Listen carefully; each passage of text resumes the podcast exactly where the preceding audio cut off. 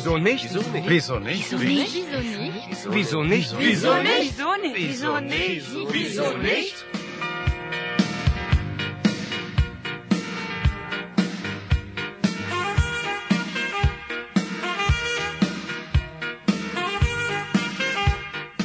Goethe Institut Jakarta didukung Deutsche Welle dan Internationals mempersembahkan program pelajaran bahasa Jerman Wieso nicht?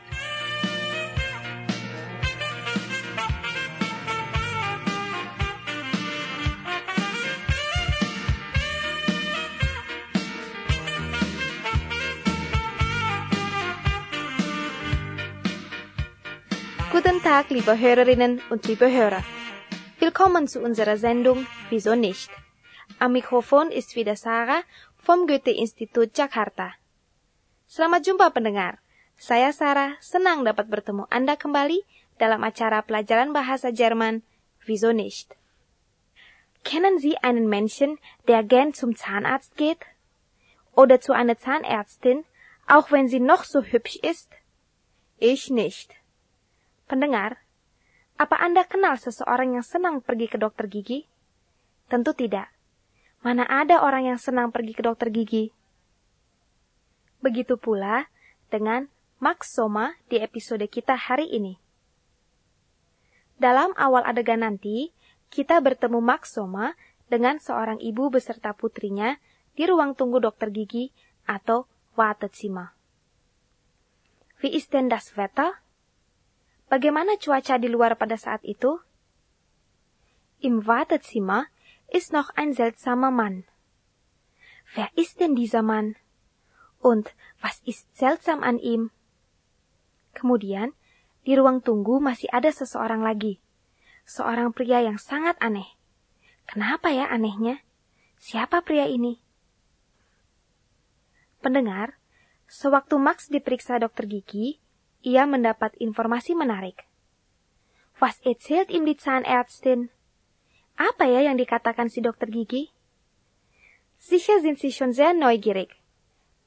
Pendengar, tentu Anda makin penasaran. Siapa pria aneh itu ya? Ayo kita dengarkan saja episode berikut ini. Viel Spaß! Szene 20 Die Angst vor dem Schmerz oder wie ich Graf Alucard kennenlernte.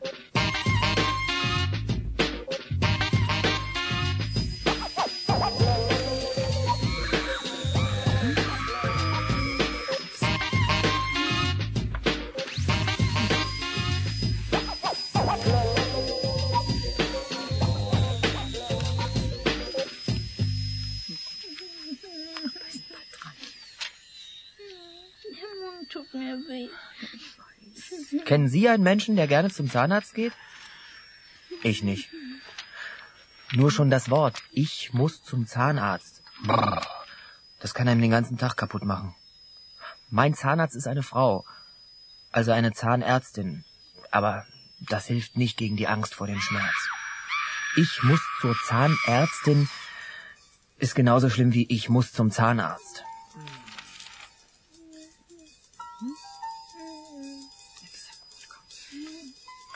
Im Wartezimmer treffen sich also meistens Leute, die Angst vor dem Schmerz haben. Und genau da, im Wartezimmer meiner Zahnärztin, habe ich einen ganz seltsamen Mann getroffen. Aber hören Sie selbst.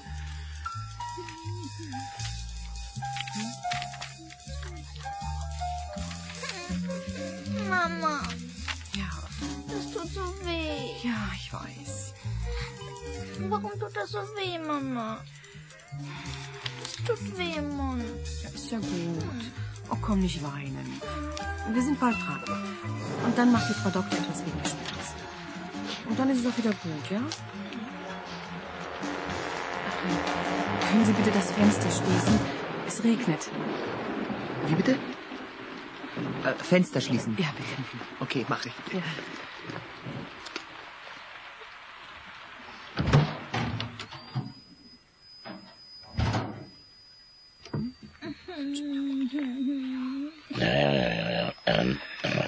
Da Darf ich? Bitte? Guten Tag. Guten Tag. Guten Tag.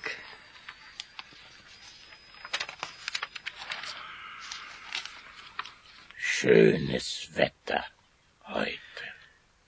Naja, ähm, tja, schönes Wetter heute.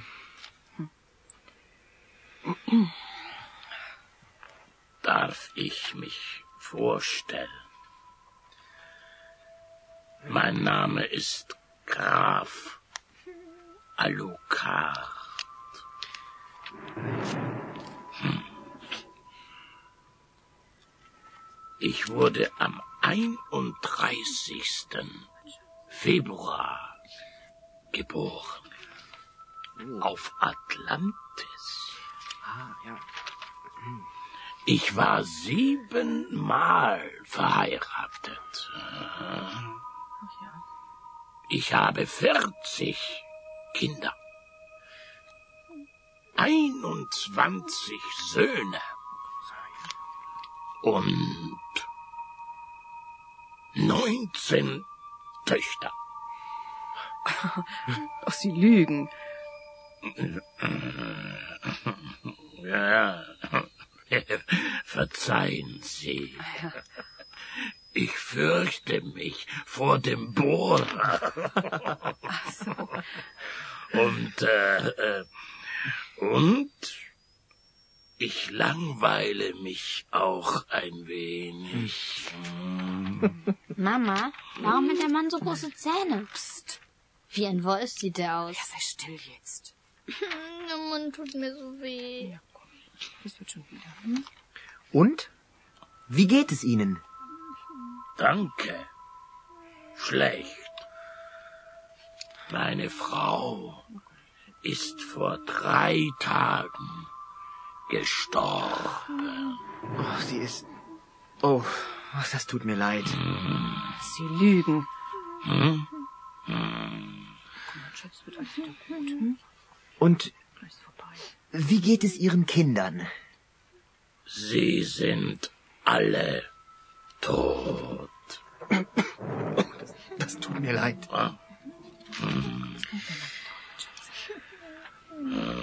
Sehen Sie, die Sonne kommt. Es regnet nicht mehr. Ah. Wenn man behauptet, das Wetter sei schön, dann wird es auch schön. Sie lügen.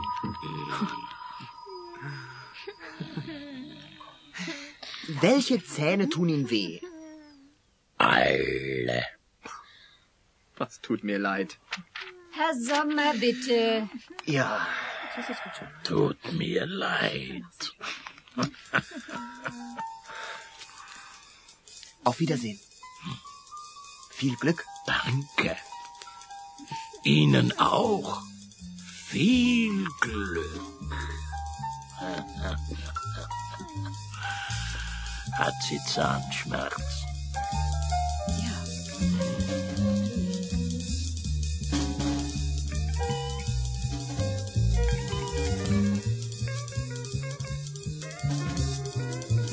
So, hier. Bitte nehmen Sie Platz, Herr Sommer. Dieser ältere Herr, mit dem Sie gesprochen haben. Graf Alucard, meinen Sie? Graf wie? Alucard? Man sitzt immer wieder in meinem Wartezimmer. Hat er Ihnen auch erzählt, dass alle seine Frauen und Kinder tot sind? Ja, ja, genau. Das hat er erzählt. Und? Glauben Sie ihm das? Ich weiß nicht. Graf Alucard. Wo hab ich das schon einmal gehört? Ich weiß es auch nicht. Er ist schon etwas seltsam, der Herr. Naja. Also, Herr Sommer, Mund schön öffnen.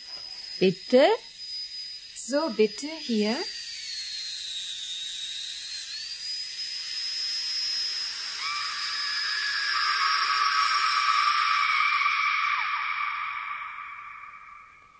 Liebe Hörerinnen und Hörer, die Situation im Wartezimmer ist wirklich seltsam. Benar-benar aneh ya suasana di ruang tunggu. Und, wie ist das Wetter? Bagaimana cuaca pada awal adegan tadi? Es regnet. Cuaca sedang hujan. Dan, siapa ya pria aneh itu? Dia memperkenalkan diri sebagai Graf Alucard. Apa anehnya? Anehnya, karena dia mengaku lahir pada tanggal 31 Februari di Atlantis. Apa ada tanggal 31 Februari? Dan di mana sih letak Atlantis? Coba Anda buka peta. Pada awal episode ini, hujan turun. Tapi Graf Alucard beranggapan cuaca cerah. Dan memang, tak lama kemudian hujan berhenti. Menurutnya, Walaupun cuaca jelek, kita harus berpendapat bahwa cuaca bagus. Maka pasti cuaca akan membaik. Apa Anda percaya teori semacam ini? Lalu, apa informasi yang didapat Max Soma dari dokter giginya? Der Mann sitzt oft in ihrem Wartezimmer und erzählt immer die gleichen Geschichten. Rupanya, pria aneh itu sudah sering datang ke ruang tunggunya dan selalu menceritakan hal yang sama.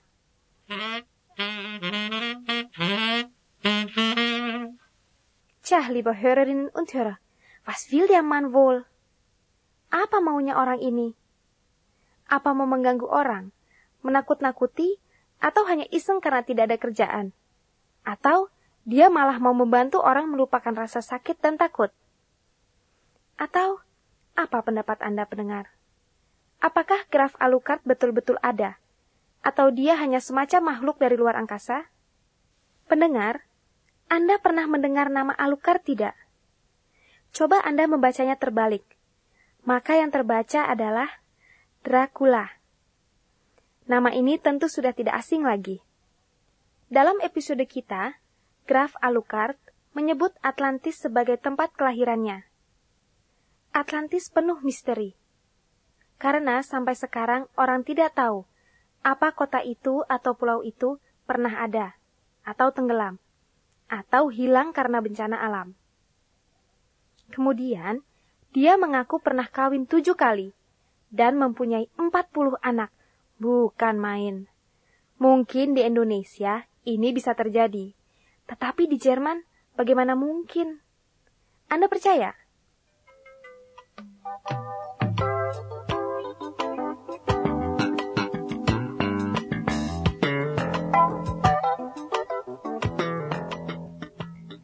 Pendengar. Sayang sekali hari ini merupakan episode Visionist yang terakhir. Mudah-mudahan program ini telah menambah pengetahuan Anda dalam bidang bahasa dan kebudayaan Jerman. Dan yang paling penting, Anda telah menikmati acara Visionist. Saya juga sangat senang dapat menemani Anda melalui program ini. Akhir kata, saya Sarah mohon diri dan sampai jumpa dalam kesempatan lain. Hiermit verabschiede ich mich. Ich hoffe, wieso nicht hat Ihnen Spaß gemacht. Auf Wiedersehen, liebe Hörerinnen und Hörer, und alles Gute. Ihre Sarah.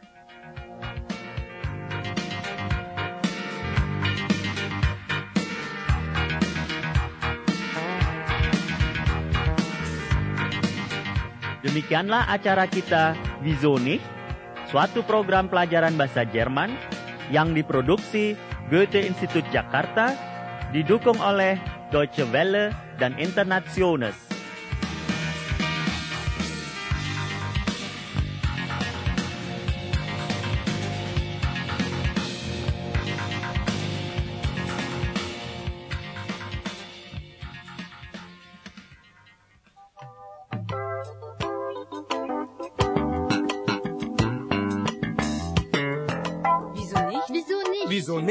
Nicht? Wieso nicht? Wieso nicht? Wieso nicht? Wieso nicht? Wieso nicht? Wieso nicht? Pendengar, Sekarang kita ulas beberapa hal yang muncul dalam episode tadi.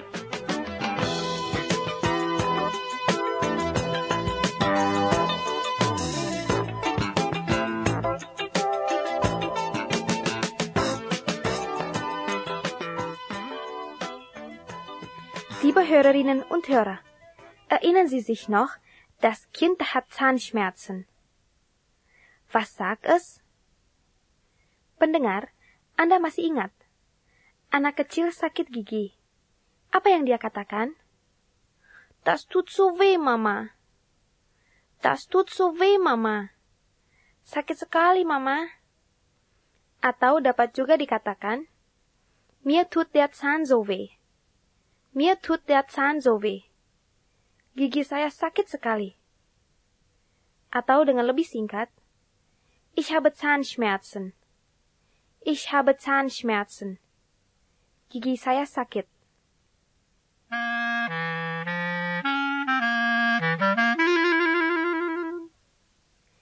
Jika Anda ada keluhan yang lain, bagaimana mengatakannya?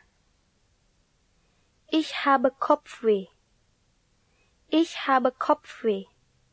Saya sakit kepala. Ich habe Halsschmerzen. Ich habe Halsschmerzen. Saya sakit tenggorokan. Mir tun die Ohren weh. Mir tun die Ohren weh. Kuping saya sakit.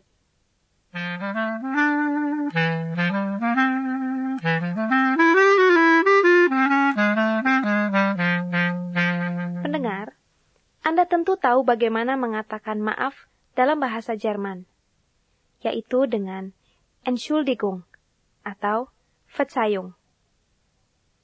Ada satu ungkapan lagi yang biasa dipakai untuk meminta maaf dan juga mengatakan rasa penyesalan, yaitu Es tut mir leid.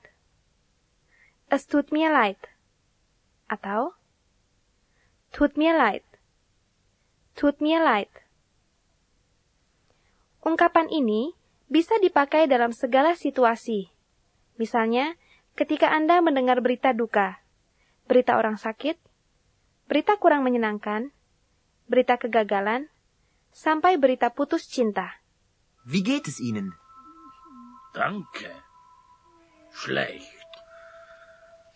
Meine Frau ist vor drei Tagen gestorben. Oh, sie ist.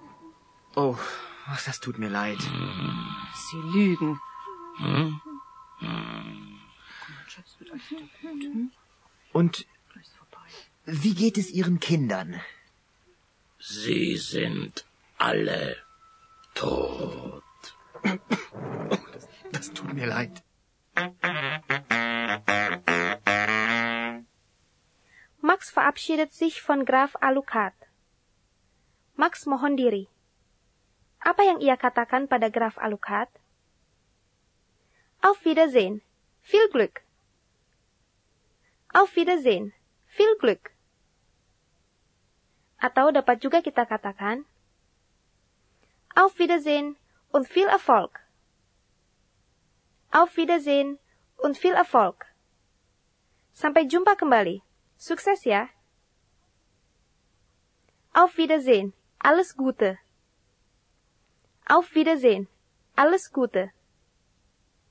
Lalu, bagaimana kita menjawabnya? Danke, Ihnen auch. Danke, Ihnen auch. Atau, Danke, gleichfalls. Danke, gleichfalls.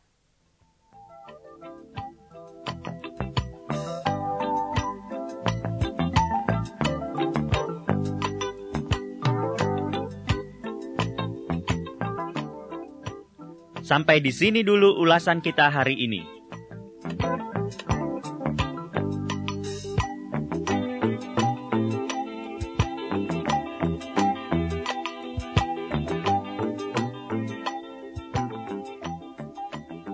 Pendengar, sekarang giliran Anda untuk bicara.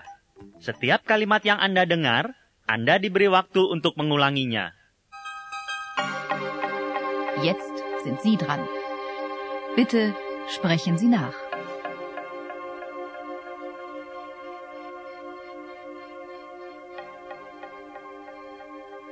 Das tut so weh, Mama.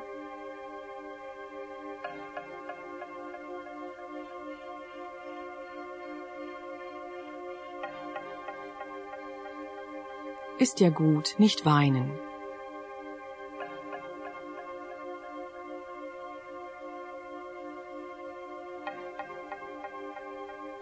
Mir tut der Zahn so weh, Mama.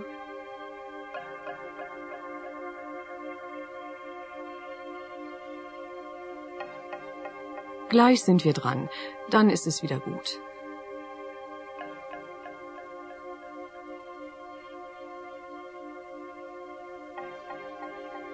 Ich habe aber Angst, Mama.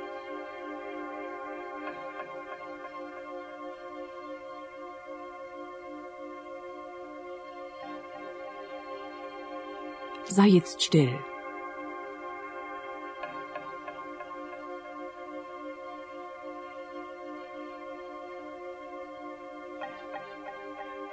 Es regnet. Wie bitte?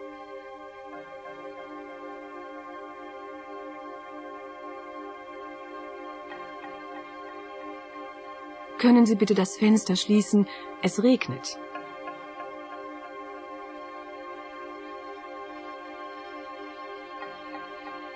Oh, natürlich.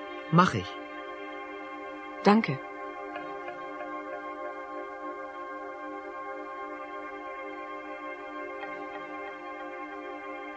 Ähm, darf ich?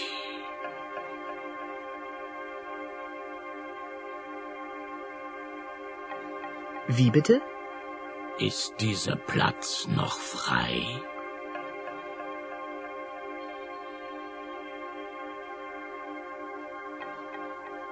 Ja, ja, natürlich. Setzen Sie sich.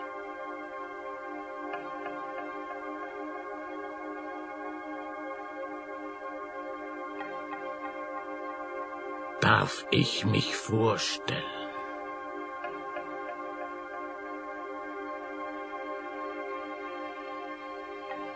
Mein Name ist Alucard.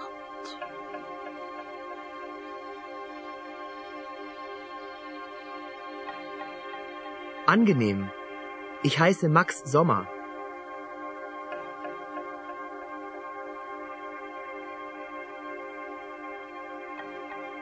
Guten Tag, Herr Sommer. Nehmen Sie bitte Platz.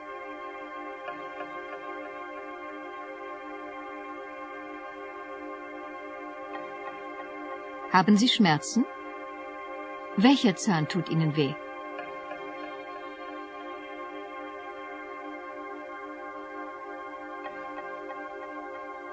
Da unten, der da.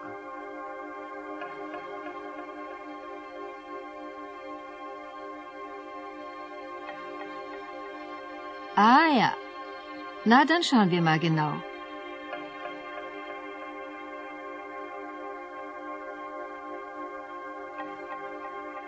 Mund schön öffnen, bitte.